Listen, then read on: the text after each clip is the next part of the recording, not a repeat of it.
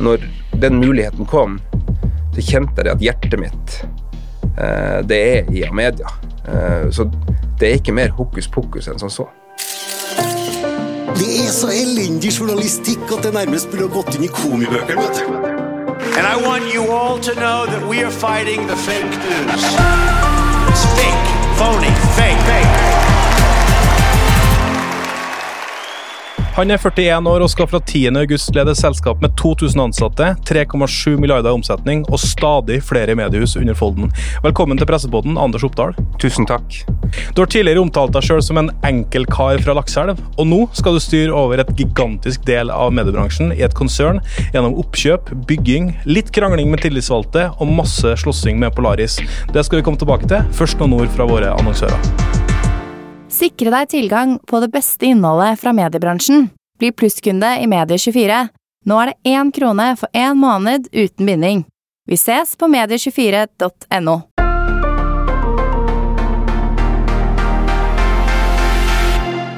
Anders, først og fremst eh, gratulerer så mye med jobben som konsernsjef i Amedia. Tusen takk. Hva, hvorfor ville du ha den jobben her?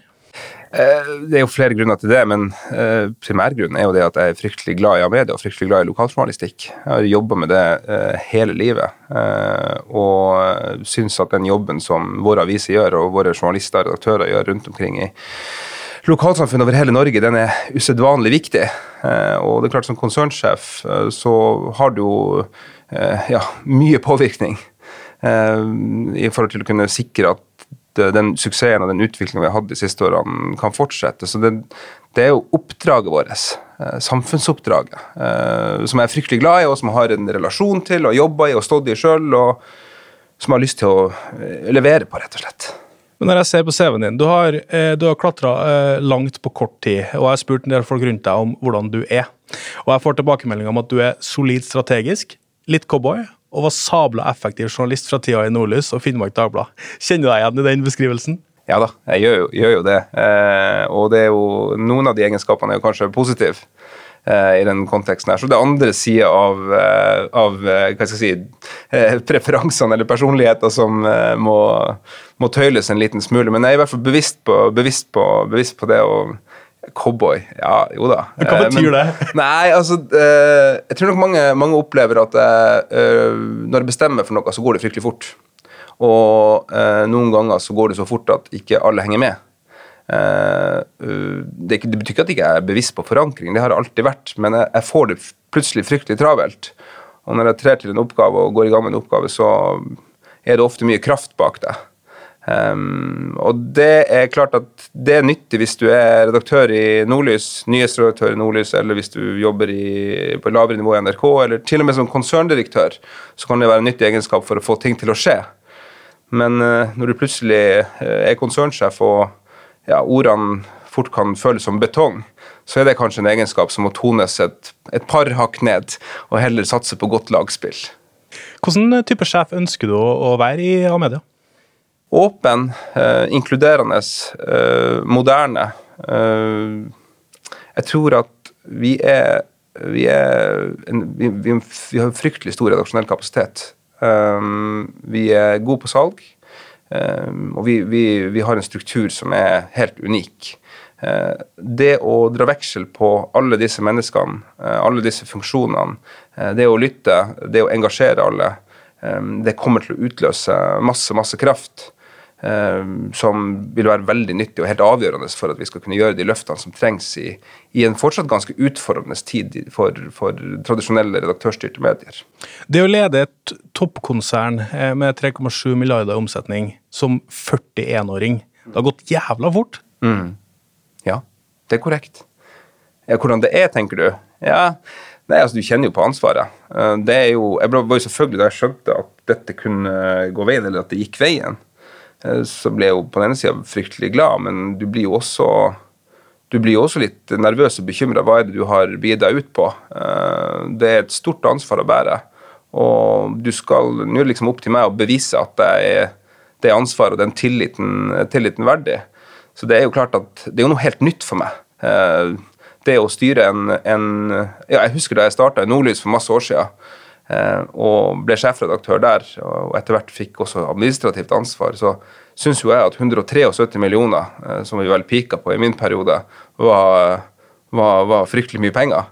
Eh, det her er jo noen kroner mer, for å si det sånn, og noen flere mennesker og ja, mer, mer kraft, rett og slett. Det, det, er jo din første runde som konsernsjef, eh, men du har jo leda virksomheter tidligere. Eh, både redaksjonelt, kommersielt og hatt det ansvaret strategisk. Og jobba de siste årene også med oppkjøp og, så videre, og, og forankre oppkjøp osv. Hvordan ser du for deg at de egenskapene du har liksom tatt med deg fra tidligere karrieren, kan være med å styrke deg som konsernsjef i Amedia? Altså Det som jeg tror er en uvurderlig styrke eller en, uvurderlig, det er, det vanskelig å si at noe som helst er uvurderlig, men det jeg tror jeg er en stor styrke det at jeg kan hele verdikjeden. Altså fra uh, å sette en notis i en papiravis til uh, å levere personaliserte nyheter, til å skrive dem, til å anrette dem, til å forstå ulike formater, forstå distribusjon, forstå hvilke problemstillinger journalister, selgere, uh, trykkere, distributører møter på i hverdagen praktisk, og klare å fortolke det da inn i et strategisk bilde det tror jeg er en styrke ved, ved, ved, ved, meg. da. Jeg har den kompetansen, slik at når uh, ja, jeg blir konfrontert med en utfordring i, i, uh, på Innlandet eller i, i, Finnmark, for den del, så kan jeg ganske intuitivt skjønne hva problemstillinga egentlig går ut på. Og jeg tror at det vil bidra til, i godt samarbeid med svært gode og kompetente kolleger, til at man kanskje raskere finner de riktige løsningene. da. Og så må du kanskje holde deg unna brekkingavis og titler på, som du tenker dette var ikke en god tittel. Nei, nei, altså det, det, og det er jo Det kan du jo si, det, men det har for så vidt vært en, en overgang for meg da jeg gikk uh, inn i en konsernfunksjon. Uh, det har jo kribla i fingrene, og uh, jeg har hatt lyst til å plukke opp telefonen av og til og komme med gode innspill, eh, på godt og vondt, skulle jeg si. Men det kan du bare ikke gjøre. Det er noen andre sin jobb, simpelthen. Men, men det er like fullt å sitte når noen kommer og forteller deg noe, eh, hvordan de opplever det, og, og, vite hva de egentlig snakker om. Eh, at den øverste lederen i virksomheten faktisk har et forhold til det det tror jeg kan være positivt. Men kan, det, men kan det også bli en utfordring? altså Det at du er så tett og nær og kjenner til det. Nå skal du sitte i helikopteret, du skal gjøre strategiske beslutninger, du skal kanskje kutte 500 millioner, du skal kanskje bygge, du skal, altså, du skal ta upopulære avgjørelser. Hvordan blir det? Altså, du tenker om det ligger hva skal jeg si, nesten sosiale investeringer eller personlige investeringer i på en måte hverdagen, at det skal komme til hinder for å kunne gjøre store grep? Jeg tror egentlig ikke det. Uh, uh, altså, det, det, er sånn eh, at uh, all, alle gode løsninger er ikke bare uh, skapt av gode hensikter. Noen ganger så må det tøffe grep til. Og Det har jeg erfart sjøl gjennom nettopp sånne type prosesser. Ikke i så stort som det du beskriver, men i, men i andre, andre, sammenhenger. Så jeg ser ikke nødvendigvis at det er et motsetningsforhold der, så lenge du helt riktig påpeker liksom klarer å klarer å, klarer å, jeg klarer å holde den der genuine interessen litt i sjakk. da. Mm. Are Stokstad, eh, som nå går av som konsertsjef i Amedia, han har jo både kutta og bygd i, i flere år, og tegna på slutten av året et eh, scenario i fjor da, der Amedia må kutte en halv milliard i kost for å ikke gå i minus i 2023. Hvordan ser du for deg liksom, Han har bygd og kutta. Hvordan blir din periode som konsernsjef? Jeg syns det er kjempevanskelig å spå uh, akkurat hvordan det blir. Vi står fortsatt foran vesentlige utfordringer. Det er det ingen tvil om. Og så tror jeg det at uh, noe man løses gjennom vonde, smertefulle grep. Det tror jeg ikke man kommer forbi. Det må være gode prosesser, med god involvering, god forankring og alt det der. Jeg kan ikke si hva det er for noe, men du trenger ikke å se så fryktelig langt frem i tid for å se at vi har utfordringer f.eks. I, i del av den analoge verdikjeden. Papirannonser som forsvinner. Ja, for eksempel, det, må, det må man forholde seg aktivt til. Og på den andre sida så har vi en fantastisk sterk utvikling i digitale forbrukermarkedsinntekter. Vi har en god utvikling på digitale annonseinntekter. Så eh, historien til Are, som selvfølgelig jeg vil måtte bli målt opp mot, den har jo vært å klare å gjøre begge, begge, begge, begge deler på samme tid, eller, eh, eller, etter hverandre. ikke sant? Og det tror jeg nok også vil kjennetegne og vil være eh, viktig at, at, at jeg står for. Eh, både, både satse, tørre, gjøre noen, eh, noen eh, Jeg skal ikke si bets, men gjøre noen, gjøre noen betydelige investeringer. Finne gode samarbeidsmodeller. Men på den andre sida drive rasjonelt, da, for å sikre at vi har det handlingsrommet, sånn at vi har den redaksjonelle kapasiteten vi trenger Sånn at vi har den salgskapasiteten vi trenger, så vi har den posisjonskapasiteten som vi trenger. Man kan enkelt få et inntrykk av at det, nesten, det går nesten ikke en måned uten at Amedia kjøper eller etablerer en ny, ny avis eh, for tida. Hva er egentlig planen og strategien her? Ja, øh, nå er det jo early days, da. Uh, men jeg, jeg, tror det er viktig for et mediekonsern som Amedia å ha et nasjonalt fotavtrykk. Um, der hvor Schibsted-type sine posisjoner um, handler om, om uh, rekkevidde, det er nasjonale eller regionale posisjoner, så har vi en kjempesterk og dyp relasjon i masse lokalsamfunn. Eh, det er en stor styrke for oss.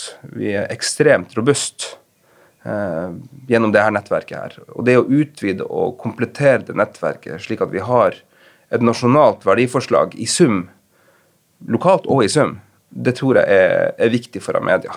Eh, men jeg er sikker igjen, du har spurt meg før, Erik, og du gjorde det her om dagen. Kommer programerklæringa. Jeg tror jeg liksom skal vente med det. Men hvis du spør hvorfor er det viktig å, å å finne nye posisjoner, eh, kjøpe nye posisjoner, etablere nye posisjoner, så handler det i mitt hode og det handler om mitt hode om å, om å ha et, et sterkt nasjonalt fotavtrykk. Fra hele Norge til hele Norge. Men man kjøper Nordsjø 2018, Sognavis, New Publishing, dere lurer dere inn bakveien i Trønderavisa, vil kanskje noen hevde også, kjøpe seg opp i store posisjoner her. Eh, og så tar man steget inn i Sverige med oppkjøp av det første lokalaviskonsernet Midtmedia, eh, samme Bonnier, eh, i 2018, og så Halv Media nå i februar. Hva er det som gjør Søtabror så spennende? Eh, ja, Det er jo mange ting. Man, det spørs hvordan du velger å se på en sånn type investering. Men det er klart, eh, vi er kommet mye lenger eh, med lokaljournalistikken i det norske markedet. Vi sitter på god kunnskap om hvordan du skal lage gode og effektive kvalitetsaviser. Og det å være til stede i, i, Sverige, så har vi mulighet til å drive kunnskapsoverføring. Eh, og bidra til at de svenske lokalavisene kanskje får en like god utvikling som, som de norske. Og så får vi jo se på og Det blir en strategidiskusjon hvor det er flere enn meg som har en saying, men hva betyr det strategisk i forhold til ting going forward? Den diskusjonen må jeg ta med med styret og resten av konsernledelsen og, og, og tillitsvalgte og andre. Men det fins vel kanskje altså Nå er jo det norske avismarkedet ganske konsolidert, eh, men det ligger vel kanskje noen andre spennende muligheter også i Sverige, eller?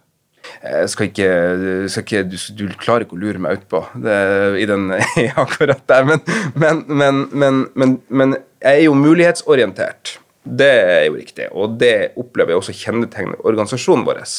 Ehm, det handler ikke bare om ledere her i Akersgata, men også ute i, i, i regionene og i mediehusene. Ehm, så i, i rammen av en sånn, eh, sånn, tenkning om Amedia, som, ja, hva som kjennetegner oss, så, så ser vi, vi vil se etter nye muligheter. La meg komme med en påstand, eh, kvalifisert eh, sådan. Eh, Amedia har bygd en teknologi eh, og en plattform eh, og en organisasjon som er ganske lik eh, overalt. hvor man enkelt kan koble på flere og flere og flere. Den teknologien, plattformen, tankingen og organisasjonen kan enkelt eksporteres til andre markeder, også i Sverige, Danmark, Finland, Island. Hva tenker du om den påstanden? Det det det er jo ingen dårlig påstand. Men det, det, det, er jo ikke bare å knipse heller. Eh, det er, det er forskjellige kulturer. Norge, altså, jeg har jo jobba mye i Sverige uh, det siste halvannet året. Vært til stede over der, og Selv om det er mange likhetstrekk med Søtabror, så er det også vesentlige forskjeller. Ja, hva er de største forskjellene? Altså, uh, tror, altså, min opplevelse er nok at våre svenske kolleger er altså de bruker litt lengre tid på å treffe en beslutning. Og når de først treffer beslutninger, så er det fryktelig mye kraft i det de gjør. Og det tror jeg har å gjøre med eh, ja, Sveriges historie som en industrikraft å gjøre. Det kjennetegner på en måte arbeidslivet der og, og tenkninga til, til, eiere. Eh, på en litt annen måte enn i Norge, hvor du ikke har hatt den samme industrihistorien. Vi har jo vi er jo blitt et styrtrikt land takket være oljen, ikke sant? men det er, en, det er en helt annen tenkning som har kjennetegna det norske, norske arbeidsmarkedet og arbeidslivet. ikke sant? Så det gjør at da blir det en sånn innebygd, innebygd kulturforskjell hvor vi i tankegodset kanskje blir litt mer pragmatisk. Eh, litt uh, mer skal, skal ikke si fiskerbondetenkning, men, Men altså, det, det blir en motsats, en kulturell motsats der, rett og slett. Så jeg tror det er egentlig det det handler om, den, den forskjellen. Men så har vi også fryktelig mange likhetstrekk. Og når du spør om er det, eh, kan det være synergier på tvers av landegrenser i forhold til ting som handler om teknologi og den type ting, ja, selvfølgelig kan det det, men det er ikke sånn at jeg sitter med en kokt og klar plan på det. Og hvis jeg hadde hatt det, så hadde jeg i hvert fall ikke delt med det her og nå. Vi får finne ut av det etter hvert. Jeg ser eh, Formålsparagrafen til Amedia er at man skal eh, bygge og utvikle og, og drifte lokalaviser. Det kan man vel kanskje gjøre andre steder enn bare Norge, da? eller? Men vi må, altså vi må, det, blir fort en diskusjon om, om ekspansjon og om, om utland og ja, også nye posisjoner i Norge. Jeg tror Vær varsom så vi ikke taper av synd at fortsatt så er det en vanvittig stor jobb som skal gjøres for å uh, fulldigitalisere en avis som uh, Tidens Krav, hvis det er det man, man, skal, da. Men svaret på det er jo egentlig ja. Uh, Nordlys, uh, Romerikes Blad, uh, Tønsberg Blad. Samfunnet gjennom en digitaliseringsreise. Det må gjøres en knallgod jobb hver eneste dag for å sørge det at mann og mus og lesere er med på den transformasjonen som nå foregår. Så jeg vil si at like strategisk viktig eh, som at man snakker ja, mer strategisk viktig enn som man snakker om Skandinavia, eller den type ting, så er det faktisk at vi får til den gode hverdagsjobbinga, blir inkrementelt litt bedre på innhold hver dag, litt bedre på teknologi, litt bedre på distribusjon. Det må vi ikke tape av synet. Taper vi av det, så mangler vi plutselig finansiering til å kunne gjøre spennende, og offensive grep på andre områder. Sjefredaktør Gard Steiro i VG er jo tidligere sitert på at med, den største mediekrisa ikke kommer nå. Eh, og så fikk vi en koronakrise som skaper enda mer digitalisering, enda mer at folk kan sitte hjemme, webinarer osv. Men det påvirker også distribusjonen av papiraviser. De leserne holder på å dø, som vi vet. altså Det er liksom de utfordringene der. Hvordan vil du karakterisere situasjonen i mediebransjen? Er, er krisa så vidt begynt, eller er den på vei til å gå over? Jeg, jeg har hørt Gard Steiro er en kjempeklok mann. Og øh, det er mange kloke som øh, sier den type ting. Og så har jeg lært gjennom både å ha vært i Amedia og i en del av Amedia i mange år, at det man tror skal skje om tre og fem år, det skjer som regel ikke. At vi har dramatiske utfordringer foran oss um, på, for å sørge at papirverdikjeden er lønnsom og god. Eh, og den er vesentlig fortsatt. Ja, 60-70% av inntektene enkelte plasser. Ja, ja, ja. ja. Eh, så det, det, det er superviktig. Men, men, men, sørge, men, at, men, at, den er under press, svaret på det er jo selvfølgelig ja. Men, men jeg syns det er vanskelig på en måte å tidfeste og si eksakt hvilken fase du er inne i nå. Det er veldig lett å sitte og ha en femårsplan eller en treårsplan. og det, Sånne ting har vi jo selvfølgelig også. Men som regel så bommer du litt. ikke sant? Du gjør det, og Noen ganger så bommer du fryktelig mye. Hvis noen hadde sagt til meg eh, da eh, vi starta med digital brukerbetaling av media, at vi skulle nærme oss 650 000 abonnenter eh, i juli 2020, så hadde jeg sagt ærlig talt det der, der, stemmer jo ikke. Det går jo ikke an. Men det har vi vitterlig gjort. Gått fra 450 000 rundt det til 650 000. Og det har skjedd i løpet av noen få år. ikke sant? Og Noe har skjedd gjennom oppkjøp, men veldig veldig mye har skjedd gjennom at journalistikken vår er blitt bedre, redaksjonene er blitt bedre, redaktørene er blitt bedre, og journalistene har levert fantastisk godt innhold.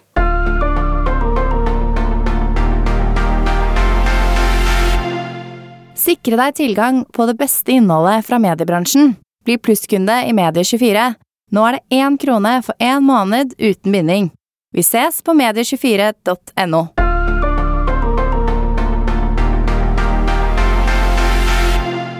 Dere har kjempa om eh, de mange av de samme posisjonene som Polaris Media, har både vunnet og tapt på, på målstreken. Hvordan vil du karakterisere konkurransen med Polaris? Uh, den er sunn. Og, og, jeg tror den gjør oss bedre. Og den gjør Polaris bedre. Og så tror jeg at man skal være litt varsom med å uh, si at vi ikke Altså, vi skal konkurrere for enhver pris. Vi må konkurrere når det er rasjonelt. når det bidrar til å skape mer journalistikk, eh, mer innhold, eh, sterkere posisjoner. Så er det andre områder hvor vi definitivt kan eh, snakke sammen. Hvis det er med på å skape mer journalistikk, bedre innhold og til glede for lesere og demokrati. Hvilket forhold har du til konsernsjef Per Aksel Kokk i Polaris Media? Altså, jeg har jo ikke så sterkt og nært forhold til Per Aksel. Jeg har møtt han mange ganger, eh, og jeg syns jo han er en veldig hyggelig fyr. Eh, og han kjenner jo meg fra den tida vi, jeg jobba oppe i Tromsø. Det vi konkurrerte med hans avis der oppe. Kjenner jeg litt ifra seinere også, eller møtt på han og slått av en god prat. Nå skal vi jo uh, snakke med hverandre uh, i en litt annen type kontekst, og det ser jeg jo frem til. Det blir jo spennende og, og lærerikt, men, uh, men jeg er en lyttende person. Vi har, jeg, jeg har også sagt det før, vi hadde kilder i Polaris, jeg skal ikke si hvem, men som, som sa at det, den som blir konsernsjef for media, er veldig avgjørende hvem det blir. Og så kan det jo hende at det er noen som tenkte at hvis Anders blir den toppsjefen, at det kan bli en annen type konkurranse enn om det blir noen andre. Hva, hva, hva tenker du om det? Nei, altså Vi har jo jobba ut fra en strategi av media de siste årene som har fungert veldig godt. Jeg har vært en del av den historien sammen med alle ansatte og ledelsen i det hele tatt. Vi har gjort noen disposisjoner, og det er jo ikke alle dem som er like populære i, i Polaris, det, det, og det kan jeg jo skjønne. Like lite som det er ting som Polaris har gjort som, som er nødvendigvis så superpopulært hos oss. Men nå er det liksom sånn at jeg begynner med blanke ark likevel. Jeg skal øh, skape mine relasjoner, jeg skal gjøre mine, mine vurderinger. Jeg skal lytte og Uh, ja, så jeg vil liksom ikke si det at jeg er liksom en videre inkarnasjon på at det er status quo i ett og alt. Uh, Nå får jeg en anledning til å, til å, gjøre det på min måte. Og så vil det jo fortsatt være konkurranse. Det er jo helt åpenbart på enkelte områder. Men jeg tror også det er mulig å skape dialog og tillit på andre områder. Men det kommer ikke av seg sjøl. Det, det skjønner jo jeg også. Han sier jo i, i Medie24 at eh, han ønsker mer samarbeid, og at man ja, indirekte da, at man, slutter å hamre løs eh, på hverandre. Fordi kampen er global og ikke lokal. Hva tenker du om det? Eh, at det foregår en global konkurranse, eh, det er jo helt åpenbart. Eh, det er jo helt enig. Vi når vi konkurrerer om oppmerksomheten med Netflix, med HBO, med YouTube, med Facebook, you name it, annonsemarkedet kjennetegnes i stadig større grad av at det handler om, om, om en global, eh, global, konkurranse.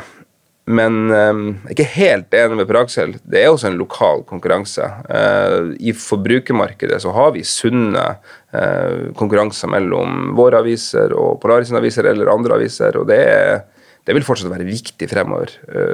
Kan ikke kan ikke gå helt forbi at det er fortsatt noen ting som, som kjennetegner lokaljournalistikken, og at det å ha flere aktører i et marked som konkurrerer om å skape den beste journalistikken, det er bra, og det har betydning. Det, det vil jeg hevde at det fortsatt har, selv om, selv om internett er kommet.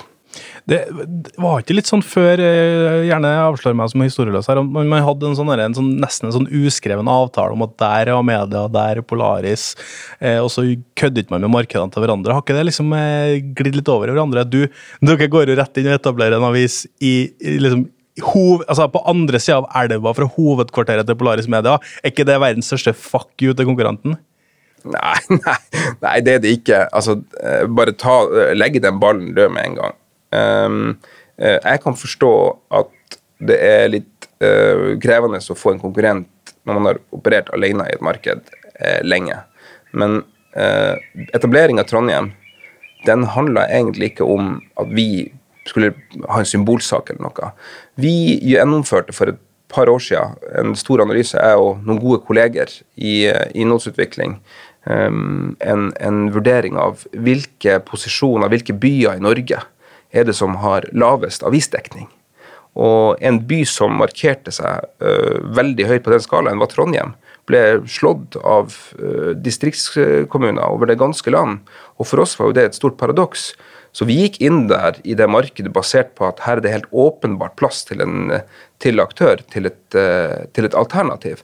Og det har jo historien også vist. Vi har hatt en kjempefin utvikling med Nidaros og nærmer oss jo ja, 9000 abonnenter. ikke sant? Så det er, jo, det er jo, det er jo, eh, det er jo Vi har gått inn der for at det er, det er rasjonelt. Og så til det du spurte om først, eh, med at det var liksom en sånn stilltiende avtale.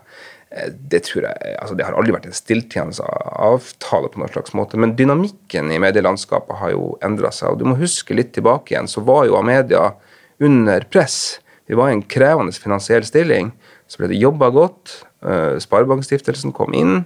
Eh, I dag har vi handlefrihet, vi har ambisjoner, vi har et kjempegodt eierskap. Og det gjør jo også at vi kan være mer aktive og offensive. Og det er klart at eh, det, det, det gjør jo noe med oss. Og det gjør jo at det kommer til uttrykk f.eks. gjennom opplevd konkurranse. Så kan man jo diskutere er det rasjonelt, alt det vi gjør. Ja, vi mener jo det. Men så kan jo andre mene at ikke det er rasjonelt, og at man kanskje burde sett ting i en større sammenheng. og sånt. Men, men det her igjen, early days. Jeg må få lov til å sette meg ned og, og diskutere og finne ut hva som, hva som gagner journalistikken. egentlig. For, for å være litt tabloid, da, altså, hvis det fantes en avtale før, så er den i hvert fall ikke lenger nå.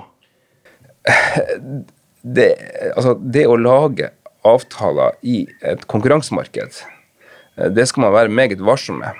Det at man kan ha god dialog og finne gode løsninger eh, som styrker alle parter, og som kommer leserne til gode, annonsørene til gode, det kan man fortsatt gjøre. Men å hugge ting i stein i en sånn evighetsperspektiv og, og kappe land og den type ting, det syns jeg er Ja, jeg tror ikke det er spesielt klokt. Jeg tenker at Det å lede av media som har løpt veldig raskt og møte ganske mange fartsdumper i løpet av en dag, og noen kjennes godt i bilen, og andre ikke. En av de fartsdumpene er kanskje forholdet til tillitsvalgte. Hvordan forhold har du til de tillitsvalgte? Ja, Som konsernsjef har jeg jo ikke begynt ennå. Så jeg skal jo etablere mitt forhold til de tillitsvalgte uh, når jeg tiltrer uh, for fullt i den 10. august. Uh, jeg, der er saker som ligger der nå. jeg skal ikke ha noen mening om, en, om dem her og nå hvor jeg sitter med deg, men det jeg kan si er at da det ble kjent at jeg fikk den jobben, da det ble offentliggjort, så var noen det første som jeg ringte til det var tillitsvalgte i Amedia, og har allerede invitert dem til en eh, dialog for å høre hva, hva de syns er viktig eh, fremover for å ha et, eh, et, godt samarbeid. Og Så kommer man garantert aldri til å bli enige om alt, men jeg tror jo grunnleggende på en, på en god dialog med tillitsvalgte. Det har jeg i, i mindre skala god erfaring med. Tillitsvalgte og, og, og, ledelse kan i sum utgjøre en fantastisk kraft for å få ting, store ting eh, i, i lag. Så så jeg er positivt innstilt og, og har lyst til å lytte og lære. Jeg håper Anders samler de tillitsvalgte rundt forhandlingsbordet for å snakke. Det uttalt Britt Ellen Negård. Eh, de har medieansatte, medieansatte sine styrerepresentanter med 24 denne uka. Ehm, det er jo en del saker nå. Eh, senest eh, nå ganske nylig så er det jo en sak om at lønna er for dårlig av media. Det er en sak om at styret, eh, altså at de ansatte ikke får styrepapirer. Det kan ikke du gjøre noe med, du er jo ikke i styret i så måte. Men, men det at de har for lav lønn, altså det er en del misnøye der ute. altså Dette blir jo en ny situasjon for deg, hvordan du skal håndtere det. Ja, og det må jeg, men før jeg har lyst til å si mm, fasiten på hvordan det skal og bør håndteres, så har jeg lyst til å snakke med folk. Så den invitasjonen fra Britt Ellen den er jo eh, i høyeste grad konstruktiv. Kjempebra. Eh, vi skal sette oss ned, vi skal prate godt i lag. Eh, og så er det jo sånn at man ikke nødvendigvis blir enig. Men jeg tenker at det, det, det, aller viktigste det er at en gjensidig respekt og en gjensidig tillit til hverandre. Den oppnår man, og den etablerer man gjennom å kommunisere. Så la meg si det, jeg har en ambisjon om å kommunisere godt med de tillitsvalgte. Eh, ta dem med på råd, og så skal det fattes noen beslutninger. Det er ikke sikkert alle er like populære. Og det er på en måte the name of the game. Men før de beslutningene tas, så skal jeg gjøre alt jeg kan for at uh, vi skal gjøre ting på en ordentlig og ryddig og god måte og være i øyehøyde med hverandre. Det er en ting som jeg hører ofte fra medieaviser rundt omkring i, landet, du har 75 M pluss 1 her i Oslo, eh, det er at man opplever at man ønsker flere ressurser. Det ønsker man sikkert overalt også, men det blir sagt i, i Amedia. Amedia går jo 300-400-500 millioner i pluss i året. Trenger man å gå så mye i pluss? Vi trenger å ha et godt handlingsrom for å kunne investere.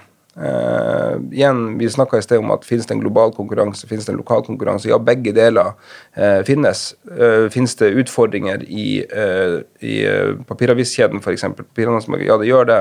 For å komme ut av dem så må du ha finansiell handlefrihet til å kunne gjøre nye etableringer, nye investeringer, nye satsinger osv. Så, videre. så ja, vi, vi, er nødt til å ha en, en sunn og god økonomi. Og så skal jeg ikke gå inn på å si på hvor mange kroner du nødvendigvis må ha.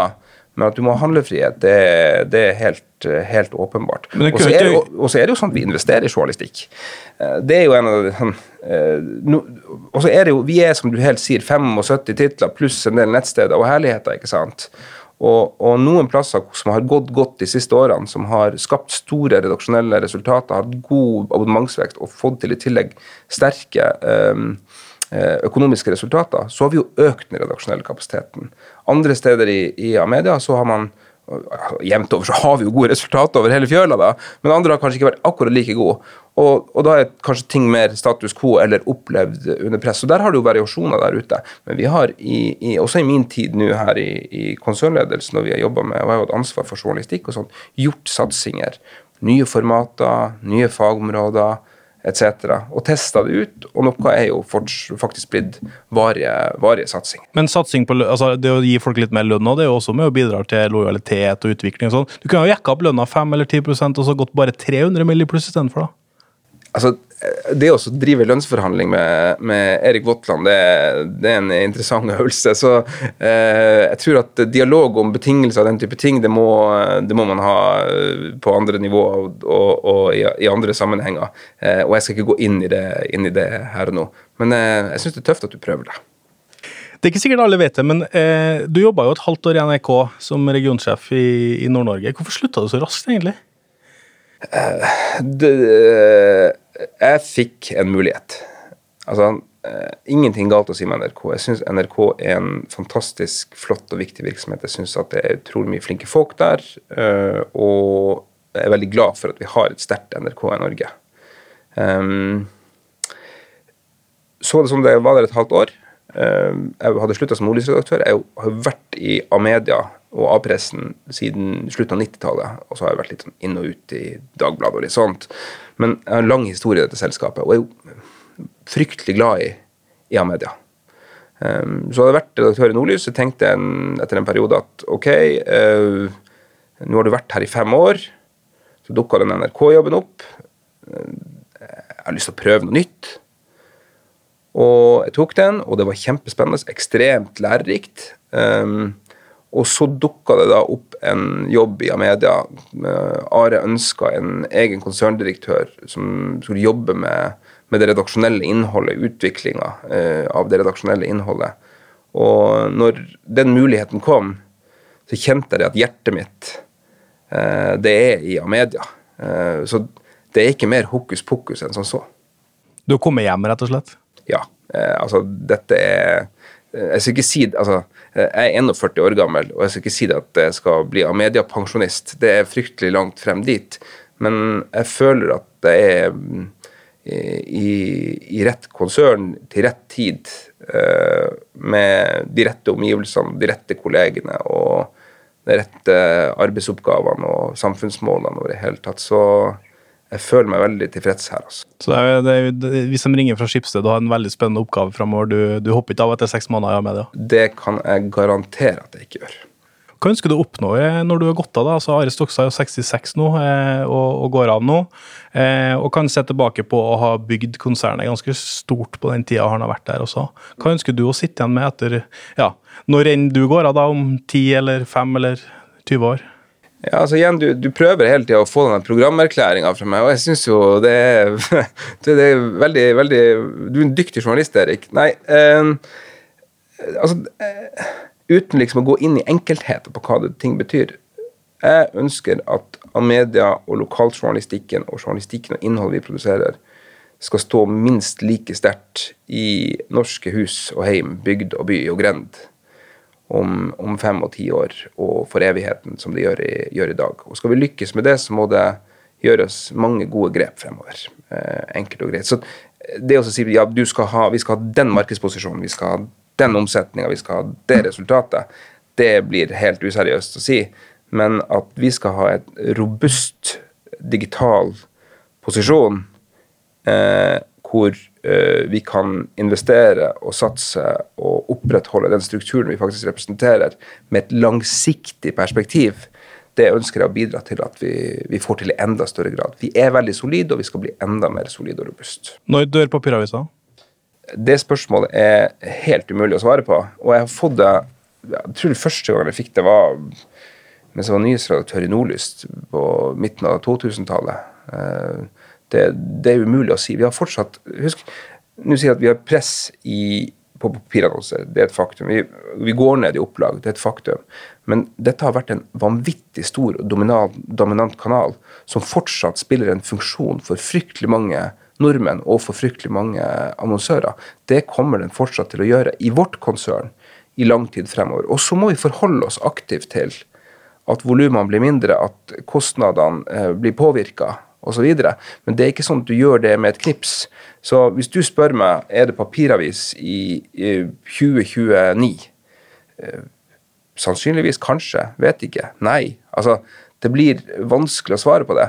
Men fortsatt er det sånn at print hos oss er en asset. Det er viktig relasjonelt. Det er viktig økonomisk. eh, Det er viktig på så mange måter, og det jobber utrolig masse flotte folk med den verdikjeden. At vi skal gjøre det vi kan for å ta vare på den og sørge for at den er så robust som mulig så lenge, så mulig, så lenge det er rasjonelt. Det kan du være trygg på. Men kan vi leve av, eh, kan vi leve av digitalannonser og, og brukerbetalinger? Altså, vi har etter hvert begynt å få ganske mange digitale abonnenter. Uh, og vi har begynt å få en substansiell chunk med digitale annonseinntekter. Og det er klart at forskjellen på print og digital det er jo det at distribusjonskostnaden ser helt annerledes ut. Så en digital krone er ikke det samme som en analog krone. Eh, det betyr kanskje at topplinja vår vil være under press. Det er den jo, ikke sant? Eh, men jeg tror fortsatt det er mulig å eh, skape veldig, veldig god lønnsomhet. Jeg lagde, Da jeg jobba i Nordlys i sin tid, så gjorde jeg en, en, en skrivebordsøvelse hvor jeg beregna hvor mange digitale abonnenter og hvor mange eh, annonse, digitale annonseinntekter, eller hvor mye vi måtte ha i digitale annonseinntekter for å finansiere den redaksjonelle kapasiteten vi hadde på det, tidspunkt, det, det tidspunktet. De tallene jeg kom frem til, var godt innenfor rekkevidde for uh, uh, hva jeg trodde på på det tidspunktet. Og utviklinga siden i Nordlys, med den sterke utviklinga som de har hatt, viser jo det at de er på god vei på å nå en sånn type finansiering. Så man må liksom ikke se seg blind på topplinje og resultat. Igjen, altså Journalistikken er vår forretningsmodell, vi må ha kapasitet til å drive journalistikk. Jeg vil si at Det, det er kanskje det viktigste, viktigste spørsmålet. Hvordan, hvordan skaper vi disse lønnsomme posisjonene, ikke hvor mye omsetter dem for. Det er jo mange som, altså nå, nå skal vi liksom leve av content marketing, enkelte har prøvd seg som eiendomsselskap, altså det er jo en rekke andre typer ting. Eh, er det noen av de forretningsmodellene du ser at det er spennende, det kunne vi gått inn i? Ja, altså eh, Jeg tror ikke at eh, vi vet nå alle svar om alle inntektsmuligheter som finnes. Eh, vi har en veldig sterk nasjonal distribusjonskraft og lokal distribusjonskraft. Vi sitter med en påloggingsgrad og en datakvalitet som er kjempehøy.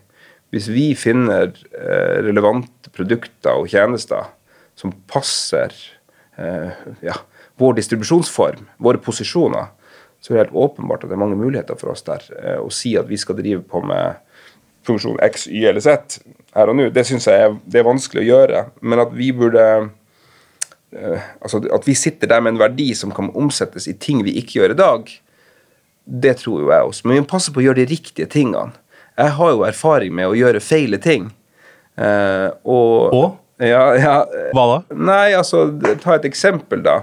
Eh, For en, eh, I 2014-15 der omkring, eller noe sånt, så starta jeg et nettsted som het eh, Bussit. Bussit, ja. Ja.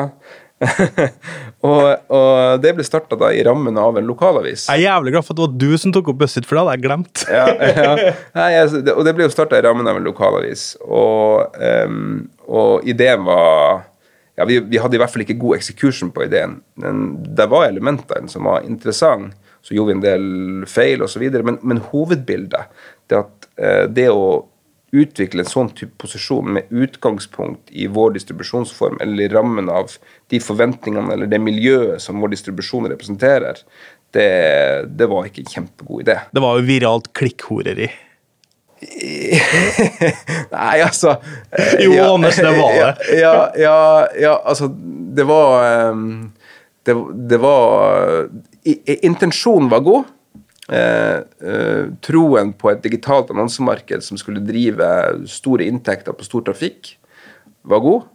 Eh, innholdet eh, var ja, det sto veldig langt unna hva som er, er kjennetegnes av, som kvalitetsjournalistikk i en av medieavis. 500 mil ble det fortalt på Gardermoen. Ja, på veldig kort tid. Eh, og- Tre måneder. Ja, det, det gikk fryktelig fort. Og mens det her pågikk, så syns jo jeg det var opportunt å ikke bare eh, se på, på eh, nedtak. Vi gjorde jo det. Vi reduserte og mista gode kolleger i de prosessene. Men da identifiserte jeg også et par-tre satsinger som vi da gikk i gang med i parallell, for å prøve å ja, finne nye inntekter.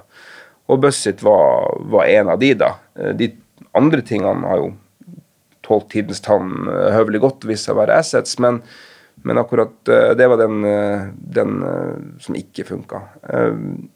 Man må prøve av og til. Altså, En ting er å liksom si cowboy og liksom kjøre på, og det å være det å være ja, handlingsorientert, det er bevisst på hva det betyr for meg i den posisjonen jeg er i dag. Men, men det å ikke prøve ting, vi kan ikke slutte å prøve ting. Det er, liksom, det er ikke en én-til-én-korrelasjon gjennom å øh, være litt for hard snar på labben og det å teste ut nye ting. Så det må vi også gjøre i Amedia. Må ha litt galskap. Ja, vi, må, vi, må, vi må være modige, men det syns jo at organisasjonen vår er. Og du kan tenke sånn, Jeg kjenner jo litt på at det er et kulturelt sug ute i organisasjonen vår til å få lov til å prøve litt ting. da. Eh, Og det syns jeg er litt kult. Jeg liker det. Cowboyens tidsæra. Nei, nei, nei, nei, nei, nei, nei, nei, nei. da, det, det, det handler jo ikke om det, men, men, men altså, jeg, liker at, altså, jeg liker at folk får lov til å prøve ting, og så lærer man fryktelig mye ut av det. Jeg sa vel noe sånt som at vi skal være, jeg har en ambisjon om at vi skal være en lærende organisasjon, og det mener jeg jo, men du må lære. Eh, Da må du prøve før du får noe læring ut av det. Læring kommer jo ikke av seg sjøl, det kommer jo basert på erfaring og handlinger. Jeg tipper det er mange som har hørt denne podden og tenker yes, dette blir kult framover. Takk for at du stilte opp i pressepodden, Anders Oppdal. Tusen takk for at du fikk komme. Redaksjonen består av Even Hye T. Barka, Ingvild Fylling, Jan Magnus Weiberg Ørdal og meg, Erik Vatland. Teknisk ansvarlig Sebastian Manrikes. Vi høres plutselig.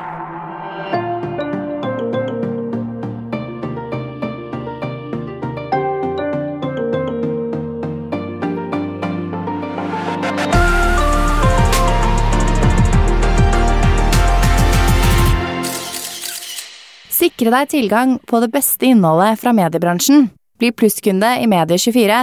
Nå er det én krone for én måned uten binding. Vi ses på medie24.no.